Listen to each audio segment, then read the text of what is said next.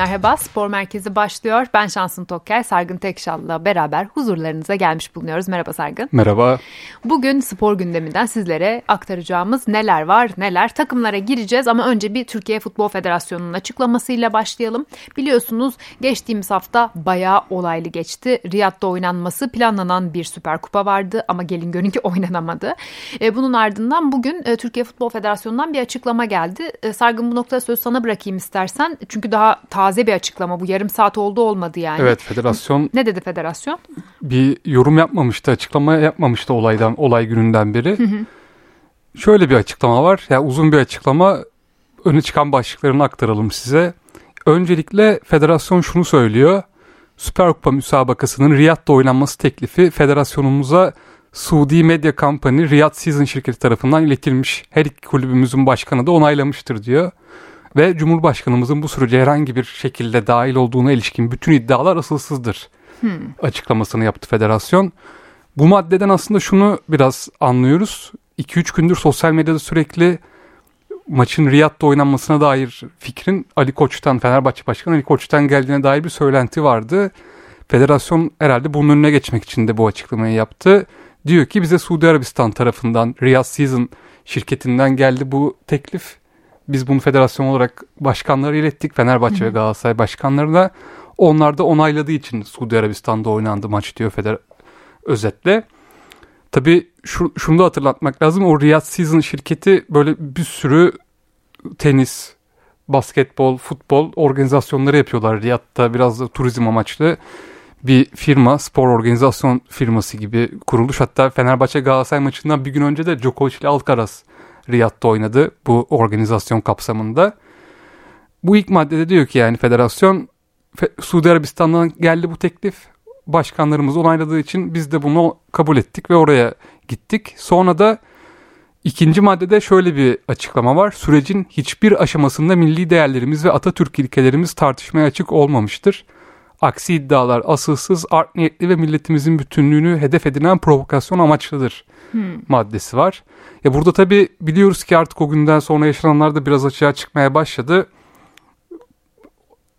İlk en büyük problem Atatürk Atatürk'ün sözleri işte yurtta sul, cihanda sul ve ne mutlu Türk'üm diyene sözlerin yer aldığı iki pankarta izin verilmemişti organizasyon tarafından. Aynen öyle. Ama federasyon diyor ki Atatürk ilkelerimiz tartışmaya açık olmamıştır bu sürecin hiçbir aşa- aşamasında diyor. Federasyon açıklaması bu. Ya biraz da aslında genel kapsayıcı bir açıklama. Hani pankartlara dair bir detay yok. Tamam ne tartışıldı o zaman mesela? Ben Ama bir... sonuçta yani o pankartlara izin verilmediğini biliyoruz. Hı hı, ne tartıştınız? Siz saat iki E siz o pankartlardan sonra da masaya oturdunuz, pazarlık ettiniz. Aynen. Yani federasyonun açıklaması bunu aktarıyoruz ama ben de kafamda soru işaretleri hala devam ediyor. Hiçbir Tabii tabii.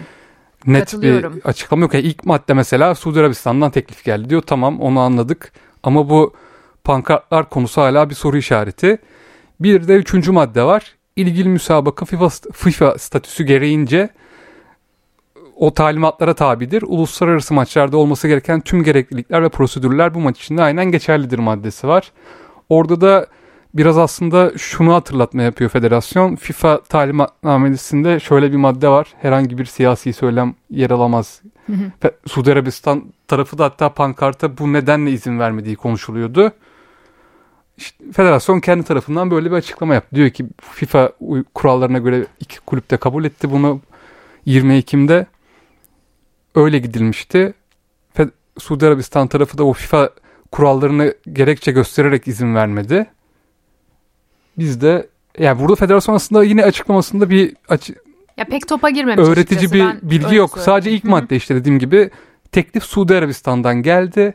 Türkiye'den bir Tam fikir ne çıkmadı. fark eder ki? Mesela ben bunu çok anlamlandıramadım. Biraz muhalefet gibi konuşuyorum burada Ya ama orada son 2-3 gündür olaylardan sonra hep şöyle bir iddia çıktı ortaya. O da sosyal medyadan bir aslı astar olmayan bir iddia döndü de- sürekli. dedikodu bile diyebiliriz aslında. Ali Koç bunu federasyona götürdü. Ya Suudi Arabistan'a götürelim biz bu maçı para kazanırız. Sonra da Ali Koç'un da maçın iptalinde rol aldığını biliyoruz. O Evet. pankartlardan dolayı. Hani biraz orada soru işaretleri yaratmaya çalışıldı tamam, aslında. Yine de ben şunu da sormak istiyorum. Ne fark eder? Ali Koç götürdü diyelim ki. Galatasaray dedi ki tamam olur. Federasyon dedi ki tamam olur. E aynı şey Suudi Arabistan getirdi. Federasyon dedi olur. Ali Koç dedi olur. Dursun Özbek dedi olur. Yani ne fark etti? Sonuçta herkes mutabakata vardı mı varmadı mı? Her koşulda Ali Koç zaten ismi, Dursun Özbek ismi ve Mehmet Büyükekşi bu üç kişinin mutabakata varmış olması gerekiyor. Hepiniz kabul ettiniz yani oraya gitmeyi. Cumhuriyet'in 100. yılında bu Süper Kupayı oraya götürmeyi kabul ettiniz. Bak Sargın ben bilmiyordum. Sen söylemiştin bana. Dinleyicilerimize de buradan aktaralım. 2000 e, 2014. 2014 yılında Soma'daki maden faciası olduğu zaman teşekkür ederim hemen anladın neyi söyleyeceğimi. E, Süper Kupa mücadelesi Manisa'da oynandı ve Süper Kupa maçından elde edilen tüm bilet geliri e, Soma'da hayatını kaybeden madencilerin ailesine verildi. Verilmiş daha doğrusu. Dediğim gibi ben de bunu Sargın'dan öğrenmiştim ve çok hoşuma giden bir bilgiydi sizinle de paylaşmış Ya bunu oldum. 9 sene önce yapmış bir federasyon şu anda niye böyle mesela bu sezon bu sene 2023'te geride kalan yılda büyük bir deprem felaketiyle karşı karşıya kaldık. Yarısını sarmaya hala çalışıyoruz. Mesela öyle bir ya zaten bunu biz yaz aylarından beri konuşuyorduk sürekli. Keşke böyle olsaydı. Arabistan'a ilerleyen yıllarda gidilebilir belki tamam ekonomik açılardan dolayı ama hani Cumhuriyet'in 100. yılında kupanın halkla bütünleşmesi açısından keşke Türkiye'de kalsaydı ama artık olan oldu Tabii maalesef canım artık yaşandı. Bir kriz daha yaşadık atlattık ve yine hiçbir sorumlusu yok görüyoruz ki ve federasyon açıklamasında son cümlede aslında biraz geleceğe dair ışık tutuyor. Federasyon yönetiminde bir değişiklik olacak mı? Soru işareti vardı. Büyükekşi herhangi bir açıklama yapmadı. Diyor ki federasyon açıklamasında son cümle Türk futbolunun başarılarla adından söz ettirmesi için çalışmaya kararlılıkla devam edeceğimizi ifade ediyoruz. Kamuoyunun bilgisini sunarız. yani istifa yok diyor. Evet yani federasyon biz işimizin başındayız diyor aslında. Bu yarım saat önce yapılan açıklamanın önemli detaylarından biri de son cümle çalışmaya kararlılıkla devam edeceğimizi ifade ediyoruz diyor federasyon. E, Biz zaten istikrar istiyoruz yani futbol sever istikrar istiyor. E, Biz her alanda istikrar Ya biz isteriz. Mehmet Ama Büyükekşi'nin de federasyon başkanı Mehmet Büyükekşi'nin dediği gibi de yeter yeter yeter diyoruz. Futbol konuşalım biraz diyoruz. Büyükekşi de umarım yönettiği organizasyonun futbola sadece futbol konuşmasını, günlerde futbol tutmasını sağlayabilir ama bir türlü olmuyor. Yani işte hakem yumruk skandalı, sağdan çekilen takım İstanbul Spor. E, geçen hafta herhalde tarihimizde şimdi ah, düşünüyorum Fenerbahçe Galatasaray maçı oynanamadı. Tarihimizde ilk oldu herhalde. evet böyle bir şey bilmiyoruz yani. Yani iptal edilen bir maç, ertelenen bir maç yok benim bildiğim. Ya pandemide bile oynadı bu iki kulüp. Evet. Ya ama ilginç bir şekilde yine oynanamadı ama federasyonda dediği gibi çalışmaya kararla devam edilecek Türk futbolunda. Göreceğiz bakalım önümüzdeki günlerde nasıl açıklamalar gelecek. Daha kulüpler de tam açıklama yapmadı bence. Belki federasyonun bu duyurusundan sonra yine bazı belgelerle açıklama yapılır Fenerbahçe ve Galatasaray tarafından. Ama işin özeti federasyon diyor ki biz Atatürk ilkelerinden ödün vermedik. Teklif Suudi Arabistan'dan geldi maçın Riyad'da yapılmasına yönelik FIFA talimatnamesini herkes onaylamıştı. Ona göre kurallar oynan ko- koyuldu. Suudi Arabistan tarafı da o yüzden itiraz etti diyor federasyon ve göreve devam ediyoruz. Net bir şekilde söylemiyorlar ama bir cümleyle bunun alt metninde belirtmişler. Bu arada maça çıkılmadığı için nasıl bir tazminat yükünün altına girildiğiyle ilgili de e, dedikodu boyutunda şeyler Evet. duyuyoruz sadece. Ya Çünkü o bir açıklama yapılmadı. İki taraftan da hiçbir Suudi Arabistan tarafından da Riyadh Season firması da bu konuda bir açıklama yapmadı. Ama yüklü bir miktar olabilir. Çünkü eğer yönetmelik üzerinden bazı itirazlarda bulundularsa ve imzalanmış olan prosedürde zaten onların itirazı kabul görüyorsa o sözleşme üzerinde işte biz bunların hiçbirini bilmediğimiz için bu açıklamalarda biraz havada kalıyor. Neyse biz olanı biteni size aktarmış olalım. Ee, Biraz da futbol konuşalım. Bakın mesela 20 dakikalığına sizinle buluştuk ve Evet, ilk ilk 10 10 dakikası, dakikası- bununla geçti. İkinci 10 dakikasında E, futbol Son bir konuşalım. aydır böyle zaten. E, E, Gerçekten yumruk çok bir olayında dönemdeyiz. Evet. Sağdan çekilme olayını konuştuk. Şimdi de Süper Kupa tartışmaları. Evet. Ve hala bir sorumluluk alanda yok. Ben olacağını da sanmıyorum. Böyle devam edeceğiz gibi Öyle gözüküyor. görünüyor. Şimdilik öyle görünüyor. Ee, şimdi Antalya Spor Sergen Yalçın birlikteliğinden başlamak istiyorum yeşil sahalara. İnme aşamama. Çünkü henüz inemeyeceğim. Sergen Hoca da daha idmana bile çıkmadı. Ama sonuç çıkmış olabilir belki bu saatlerde bilmiyorum. İlk idmanını yapmış olabilir. E, basın mensuplarıyla buluştu, konuştu. İşte Antalya Spor birlikteliğini ekibiyle e, nasıl bilinçli bir şekilde Antalya Spor'a imza attığını, sezon sonuna dek e, Mayıs'a kadar bir sözleşme imzaladıklarını ama uzun vadeli düşündüklerini ifade etti. Şimdi ben sizi e, bugünkü bu gelişmeyle buluşturdum bu sözlerimle ama Perşembe gününe götürmek istiyorum. Perşembe günü Beşiktaş çatısı altında Beşiktaş e, Futbol Genel Direktörü Samet Aybaba bir basın toplantısı düzenledi işte basın mensuplarıyla sohbet etti ve o basın toplantısında haliyle şu anda teknik direktör arayışında olan siyah beyazların kimlerle temasta olduğu, hangi teknik adamların öne çıktığı ısrarla soruldu Samet Aybaba'ya. Kendisi de dedi ki tek karar mekanizması benim, benim üzerimden bu karar verilecek. E dediler e, hocam Peki Sergen Yalçın var mı? Sergen Yalçın var mı? Konuştunuz mu? Üst üste gelen Sergen Yalçın sorularına istersek zaten olur dedi. E, zaten o sözü duyunca ben Sergen Yalçın'ı birazcık tanıyorsam bundan rahatsız olmuş olabileceğini düşündüm. Tanıyorsam derken kişisel olarak değil zaten kişisel olarak tanımıyorum da ama artık hani gözlerimiz önünde yaşanan bir hayat az çok tepkilerini anlayabiliyoruz e, spor gazetecileri olarak. E, Sergen Yalçın bu gelişme üzerine yani e, bu ifade üzerine diyeyim Perşembe günü gerçekleşen bu basın toplantısı üzerine Beşiktaş cephesinde bir Beşiktaş beraberliği beklenen Sergen Yalçın bum diye bu efekti de verdim. Antalya Spor'a imza attı. Nasıl değerlendiriyorsun Sargın bunu? E zaten Samet Aybaba'nın senin de söylediğin gibi o açıklamalarından kaynaklı bir ar, biliyorduk Sergen Yalçın olmayacağını. E bir de şu anda Beşiktaş yeni yönetim Hasan Arat yönetimiyle bir futbol düzeni kurdu. En azından temelini attı. Teknik direktörle işletmeye başlayacak. Diyorlar ki Hasan Arat hatta kendisi hep söylüyor. Ben Ümraniye'ye gitmeyeceğim diyor. Benim yönetimde Feyyaz Uçar var. Futbol direktörü de Samet Aybaba. Bu iki isim, bu iki efsanemiz yönetecek. Bana en son kararlarını söyleyecekler dedi. E böyle işleyecek bir düzende mesela bence zaten hatta sen de geçen haftaki bir programda da konuşmuş olabiliriz. Sergen Yalçın olmayacağı belliydi Samet Aybaba'nın açıklamasından önce de. Yani Sergen Yalçın'ın Beşiktaş'taki ilk dönemini de biliyoruz. İşi yönetme şeklini de biliyoruz. Hani hem Feyyaz Uçar'ı memnun edeyim hem Samet Aybaba'yı memnun edeyim. Sergen Yalçın bununla uğraşmaz. O kendi aklında doğruyu yapıyorsa doğrudur.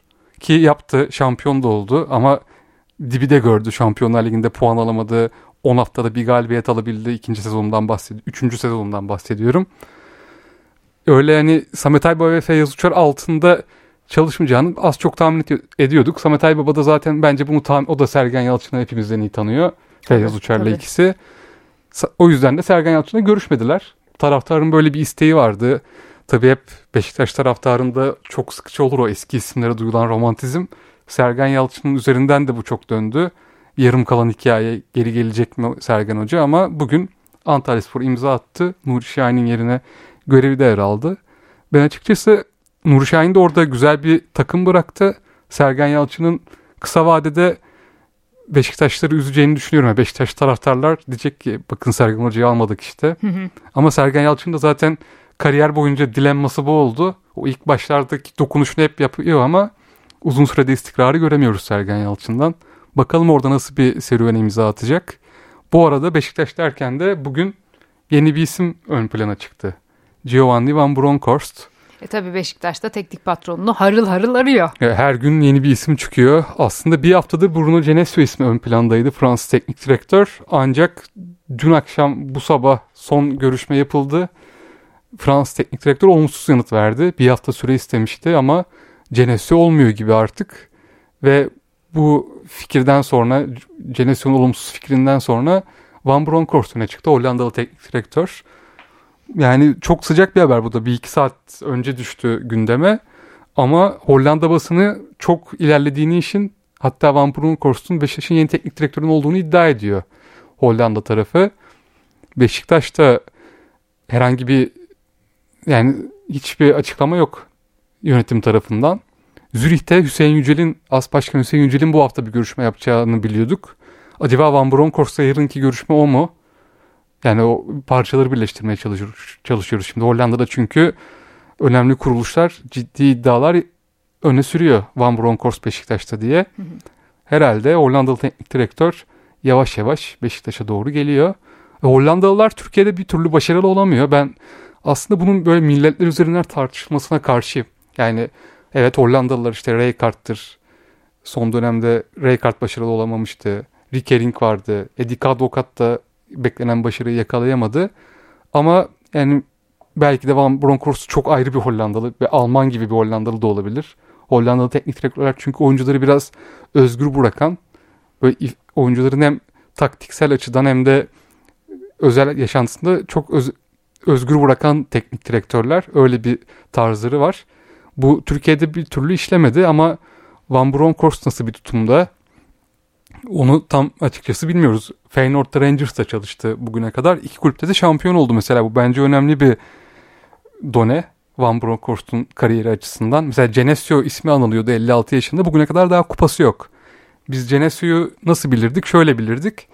Genç futbolcuların gelişiminde gerçekten usta bir çalıştırıcı. Oyuncuları bireysel olarak geliştirip kariyerlerinde önemli aşama kat etmelerini sağlayan bir teknik direktördü Genesio ama bir kazanan teknik direktör değildi. Takımını şampiyonluklara taşıyan, kupalara taşıyan bir teknik direktör hiç olmadı. Bu hep benim kafamda soru işaretiydi. Şimdi Beşiktaş evet yeni bir yapılanma, gençlere önem vereceğiz diyor Samatay Baba ama ne kadar taraftar buna sabredecek? Evet bir iki oyuncu işte Semih Kılıçsoy mesela bugün 4 yıllık sözleşme imzaladı. Öyle oyuncuların gelişme önemli. Ama Beşiktaş gibi büyük, kulüpte sadece gençlere şans vermek yani kısa dönemde bir olumlu hava yaratıyor ama bir yerde kriz çıkardı şampiyonluk yarışına dahil olamayan Beşiktaş uzun vadede.